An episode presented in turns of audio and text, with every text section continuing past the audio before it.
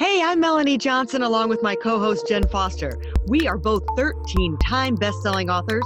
We've published over 2,500 books and made all of our authors number one bestsellers. We own Elite Online Publishing. If you want to become a best selling author, look us up at eliteonlinepublishing.com. Now, welcome to the podcast that shares secrets from top industry experts that show you how to get lasting success and results. This is the Elite Expert Insider Podcast. Hi, this is Melanie Johnson along with Jen Foster. Hey, Jen. Hey, everyone. We have another super podcast for you today. All right, have you ever thought about how to get your company to make $10 million in revenue? I know we have. So we have someone who has the secret sauce on how to do that. Um, not just knows how to do it, has done it for other people for a business for Infusionsoft that he worked with. Matter of fact, he took them to a hundred million dollars. So I am so excited to have Brett Gilliland here today. He is going to tell us his secrets of how to grow your business to a $10 million in revenue business. Brett, welcome. Thanks for joining us today. Thank you. It's such a it's such an honor to be part of your show today and look forward to our visit. Great. Well, Brett, tell us a little bit how you got started into this and how you've helped Infusionsoft get to this level. Sure. So uh, my background is in organizational development. Uh, that doesn't mean anything really to small business owners, and that's fine. Uh, but what would matter to business owners is that we study what it what it takes to create an effective organization that gets the kind of performance that you want. And I ran into a guy one time named uh, Clayton Mask, who is the CEO uh, for many years at Infusionsoft, and then they they rebranded. Now they're called Keap. Uh, anyway, I worked with Clate as a consultant for several months and helped them build the internal people, processes, and systems to be able to scale, as you already mentioned, uh, from seven figures to 10 to 30 to 100 million.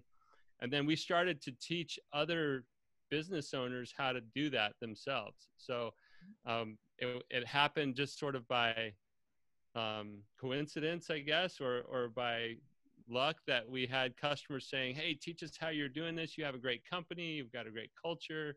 We mm-hmm. want to learn that stuff. And so we did. One time we taught it and it was well received, and then we just kept teaching it and we built a little business around it. So uh, a couple years back, we decided to not have that be part of Infusionsoft anymore, and we and I, I bought it. We spun it out, and now I spend all my time helping business owners learn how to scale their seven-figure business. Awesome. And you know, small businesses are very tricky, especially when you're getting started. And you you mentioned systems. So how do you? What are the stages? Um, walk us through the stages for small business growth. Yeah, I really appreciate you asking that. So um, the stages have to do with some work that I actually have to give props one more time to Clate. He did some original research. Um, this is the kind of guy he is. He's he studied the U.S. Census Bureau data, right? Boring stuff for hours and hours and hours, like dozens of hours, and pulled out some trends there. And then we matched it up with what was our experience with serving small businesses. And there are there are some clear patterns. So lots of companies out there say, "Oh, we serve small business." But small business is so broad, right? If you go to some definitions, it's like 0 to 500 employees is small mm-hmm. business. Well, any of us who have an actual business that's, you know, 10 or 12 people or 5 people, that's that's real small business, right? That's true small business. And that's the kind of business we were serving at Infusionsoft most of our customers had fewer than 10 employees and they weren't being spoken to by all of these providers out there that said we serve small business. They were serving larger small businesses. Mm-hmm. and so we wanted to to distinguish the different stages of business and the patterns that evolved or or not evolved the, the patterns that became clear to us were on the ones and threes of revenue. So for example the first stage the startup stage or solopreneur stage is from zero to 100,000 in revenue, right? You're working to get that first 100,000 you can replace the, the day job and go into business on your own. After that, it's from 100 to 300,000 is the next stage. And you're learning how to get enough leads to, to fuel this business, right? And you're learning how to sell. And then from 300,000 to a million is the steady operation business where now I've got to figure out consistent lead generation. How is my marketing system going to create customers every month? And how is my fulfillment system going to deliver on those customers? So at each stage along the way, there are new things that have to be learned. And what we found and where we specialize in helping businesses is most businesses get stuck somewhere between that one and three million in revenue if they ever make it to a million, right? Which is why we call them elite entrepreneurs, because mm-hmm. only three to five percent of all businesses that ever start get to a million in revenue. Okay, just pause to consider that. Yeah. Yeah. So so they're elite, and now they're they're experiencing new challenges between one and three million, and then three to ten, and so on. So there are these stages of business. Roughly every time the business triples in size in revenue then they have some new things that they have to figure out to enable the next leg of their journey. Right. So, what are some of those common occurrences when you hit that one to three million? What happens in small business? What What are those common occurrences that happen? So, as you guys have experienced, probably for yourselves, and as you've worked with other business owners, what happens is they get to that million, and they they have maybe sometimes they have six or eight employees, sometimes they have ten or twelve, but really that entrepreneur still has willed this thing to happen right they've kind of thrown it on their back they've hustled they've they've been grinding it out right? They've done all this all this work to get it to that point. And then they look around and here's what they experience. I've never been here before right? I don't know exactly what i'm doing but everybody expects me to know. I'm the leader. And i think if i just pour more time and energy in sales and marketing, this is just going to keep growing. But in reality, they start to experience new challenges around people. Like I can't get the right, you know, I can't hire the right people, or the ones that I have don't seem to care as much as I do as the leader. I got to tell them how to do it right, or they're not going to do it right. Um, you just feel more weight on your shoulders as the business owner at that point, and you start to wonder: Is it worth it? several people start to go, well, maybe I'll just settle back to where I was actually making more money with fewer headaches. And then they settle back into maybe 500,000 in revenue where they personally were taking more home and there were less people involved, less headaches around that. So they just don't know how to do the company building things and the people related things that have to happen when you start to hit that level well, wait a minute, you just said something. You're like, I'm going to scale back so I can take more revenue home myself and have less headache. I mean, isn't that kind of the idea? I mean, if if someone said, "Listen, you can grow, you're going to have more headache and make less money," does that sound appealing? I'd be going, uh, "Heck no." No, it doesn't sound appealing, but that that's the occurrence for them. They feel like yeah. I grew and I'm making less, and it's more frustrating. Why would I do this? And so then mm-hmm. they go back but that doesn't have to be that way right there are ways to both grow and reduce the chaos that enable the ones who figure it out to go beyond 3 million right so that is the trick though is to get out of that thinking of it's not just thinking but get out of that situation where they're feeling like this is heavier harder and i'm making less somehow this is not right like yeah. get me yeah. out of this So, so what are those strategies to grow and reduce the chaos and, and make more money, take more money home, not less? Yeah. So, um, if, if you'll humor me for a second, I'd love to tell a story that I use to illustrate this point. So, um, my, I, we have, we have several children. I have boys mostly we've got so we have two girls and we have six boys okay? So we have this big family. Eight children by the way just saying this man has eight children. Congratulations. Well that's, that's like awesome. a small business right? Yeah.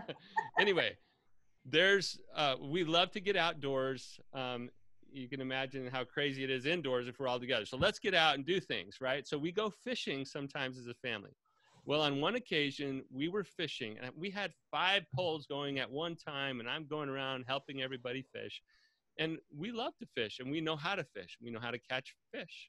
Well, one day we spent two hours with five poles and no results. As you might imagine, my kids were kind of, you know, they're frustrated. The energy around it was mm-hmm. going down. This was not a fun fishing trip. Well, we're sitting there frustrated, and we see on the other side of the lake this big bird called an osprey. The osprey circles the lake maybe 90 seconds, a minute to a minute and a half, dives, pulls out this prized rainbow trout that we had been chasing for 10 fishing hours, right? Five poles, two hours. in less than two minutes, that bird had the prize. When we had the, we'd spent ten fishing hours and got nothing. So I was like, wait a minute, what's going on here? What I what I have since um, analogized, or that's not even a word, analogized uh, back to this question of yours is how do how do we as businesses get more targeted and take more coordinated action to achieve results more efficiently? And that's the trick. That's the trick. You have to put a system in place, or I should say, systems in place that enable you to take targeted, coordinated action as a team to achieve higher levels of performance with less pain. Yeah. That's awesome. So that's what the Osprey did, right? she already right. had that, her system, or he yeah, already so had a system in place. He had the perfect system: the wings, the eyesight, the you know the talons, the beak. All of it was perfectly organized to be able to enable that result. Well, what what I'm telling you is that businesses who figure out how to take their group of people, their business, their processes, and turn it into that osprey, they see you know 10x results because they can go from 1 to 10 million when they operate like that osprey instead of thrashing on the side of the lake with all their might like my boys and I were doing. Yeah, it's the same amount of work, really. Actually, the bird had less energy than you guys did. Less time put in, less energy put in, and got a better result. So, um, would you say the systems that you do, and I, I, I, I kind of know the answer to this, but like it's like if you teach a business what to do, even though they're different businesses and they may have different things, if you follow a certain formula, does it always work for your business or does the formula have to be adjusted for certain businesses and personalities? Yeah, great question, Melanie. And uh, we, because we've been doing this for eight years now and helped hundreds of businesses, what we've seen is it doesn't matter if it's a product-based business or a service-based business um, if if they do most of their selling online or if they speak to get their sales.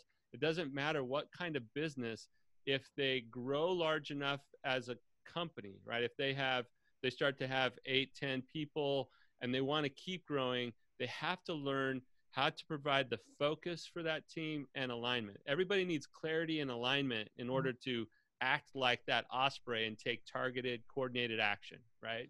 So the systems and and I don't mind sharing uh, the few principles that we can in the time that we have. The systems apply to any type of business. Mm-hmm. Yeah. So share the systems. Give us a couple systems. Yeah. Okay. So I'll I'll name I'll name the three kind of foundational ones that anybody listening can go do to really get additional results. So the first one is to to set the vision, and this isn't um, some big vague vision statement that nobody ever looks at again. Uh, it's it's really to get clear on their purpose, their values, and their mission. Okay, and and I'm not the first to talk about those types of things, um, but what we do is help business owners get really clear on those foundational elements of their company. Once they're clear on that, now they've got a foundation they can build on. So purpose, values, mission goes right into now what's our strategy to achieve that mission? And and so on. So getting getting clear first through set the vision is the first system that a business owner has to put in place in order to get that next level of growth.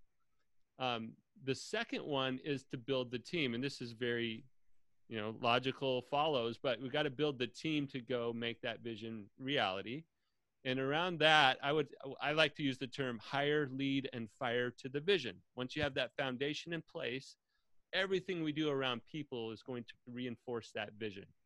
So we're going to surround ourselves with the right talent for sure, but it's not just can they do the job, it's also do they fit with us? Are they excited about the same purpose that we have here? Uh, do they live the values? Do they embrace our way of being in the values? And do they have the skill set and are they motivated to go and help us achieve the mission that we're up to right now? So hiring the team to go deliver that vision is the second one. And then the third one is what i call a, a building a meeting rhythm or a planning and execution cadence that allows us to take that vision and make it real. So those all sound like yeah high level concepts. When you do the work when you actually dig in and put those systems in place you now have you have an osprey um, right. yeah so anyway that's that's what i would say is a short answer to that Awesome. Well, if you if you didn't take notes, rewind and take notes. And that last step I think is the key, the action, right? You got to take the action. You got to put that plan into place. Yeah, and it's it's less about action because we know again, my boys and I, we were actioning to death That's on the true. side of the lake, right? We were throwing bobbers and spinners and worms and power bait. Like we tried everything, and we tried it more of it, and and that doesn't always work. Doesn't always yield the result. So what I'm talking about with the the meeting rhythm is you have to build into your company ways to reorient to true north, right? To set the vision. We got to keep mm-hmm. everybody aligned to that and make sure we have clear next steps for how we're going to move together. That coordinated action is mm-hmm. super important. So we get clear on being strategic. So we got to have strategic progress and we got to have operational excellence in how we're executing every day. So the meeting rhythm enables us to keep our eye on both of those sides of business performance. Love it. Well, and you know, it makes sense. So, and really, there's an order to it. It's like you don't want to start with the planning and then do vision afterwards. You really have to follow the order because if you don't have the vision, then you can't really plan or you can't really build the team that has the same values and mission as you. So, you have to really be clear on that. And, you know, I'm going to dive, let's pick that one because it really is the first one, just to go a little bit deeper in that. So, sometimes you see companies' mission statements and their value statements, and they are very broad so, how do you hone that mission statement into?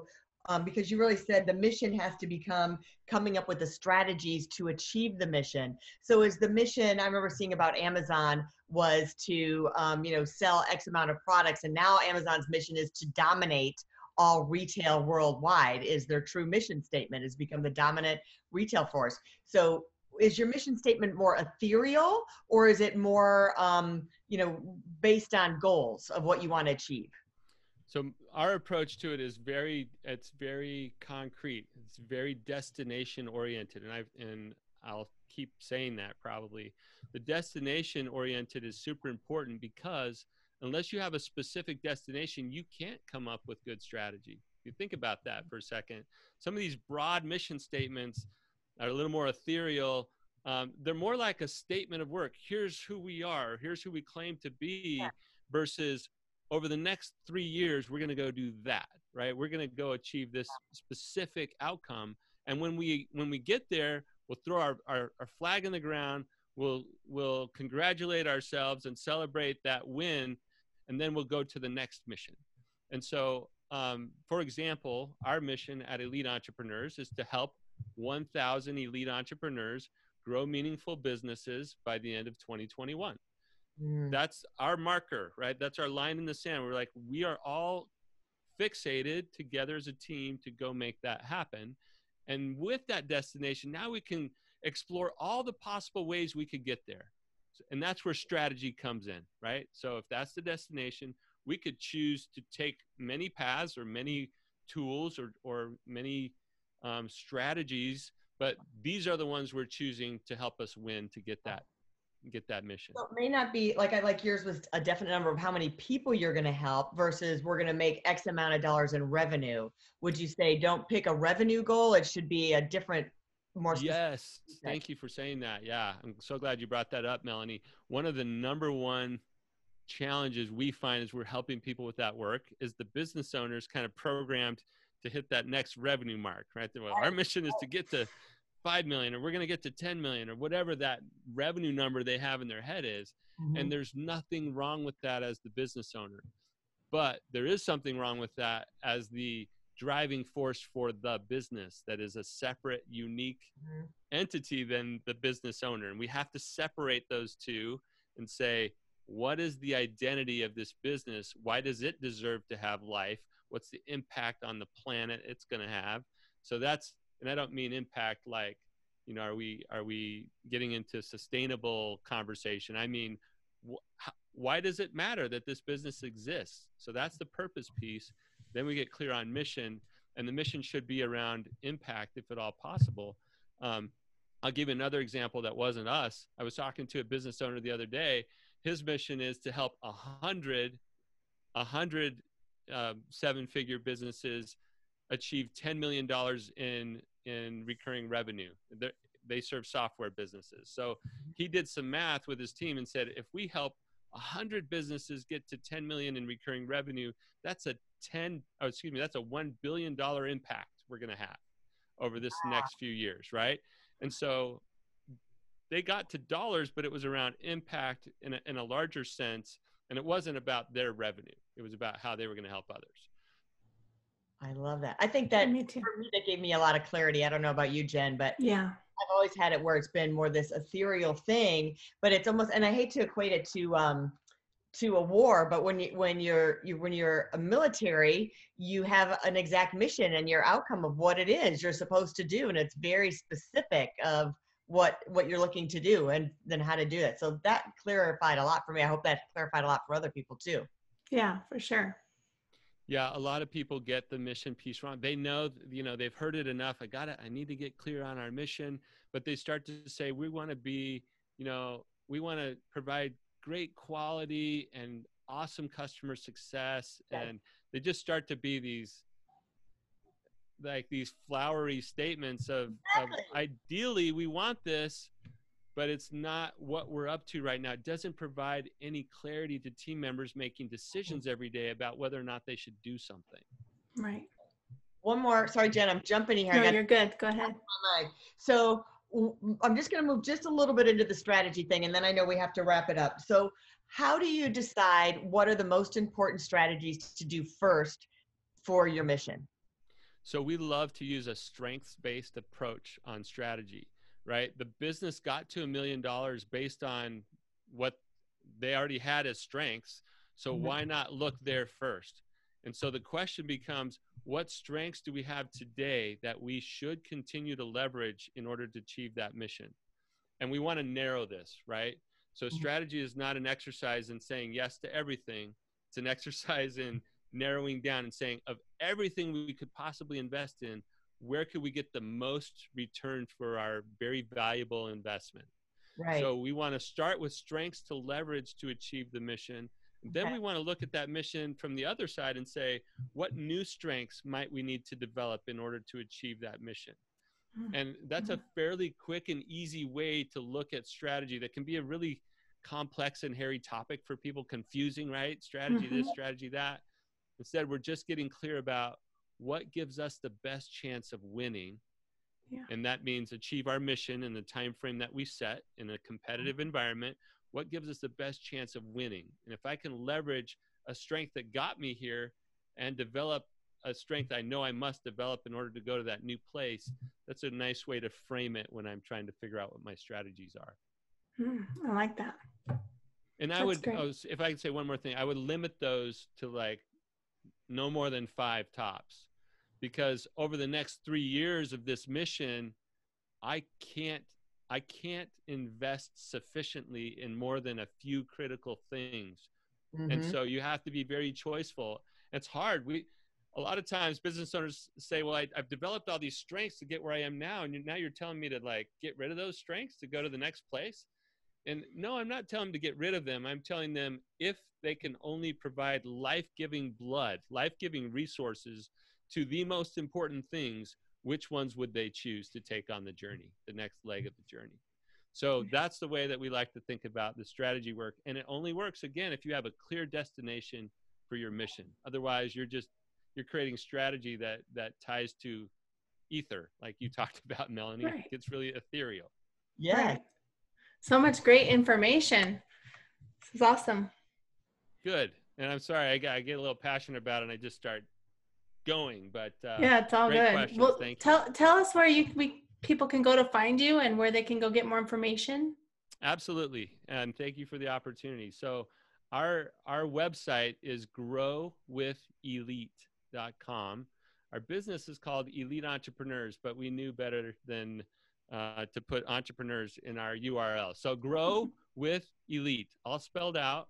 Um, or people can even reach out to me via LinkedIn, uh, Brett Gilliland is spelled G I L L I L A N D.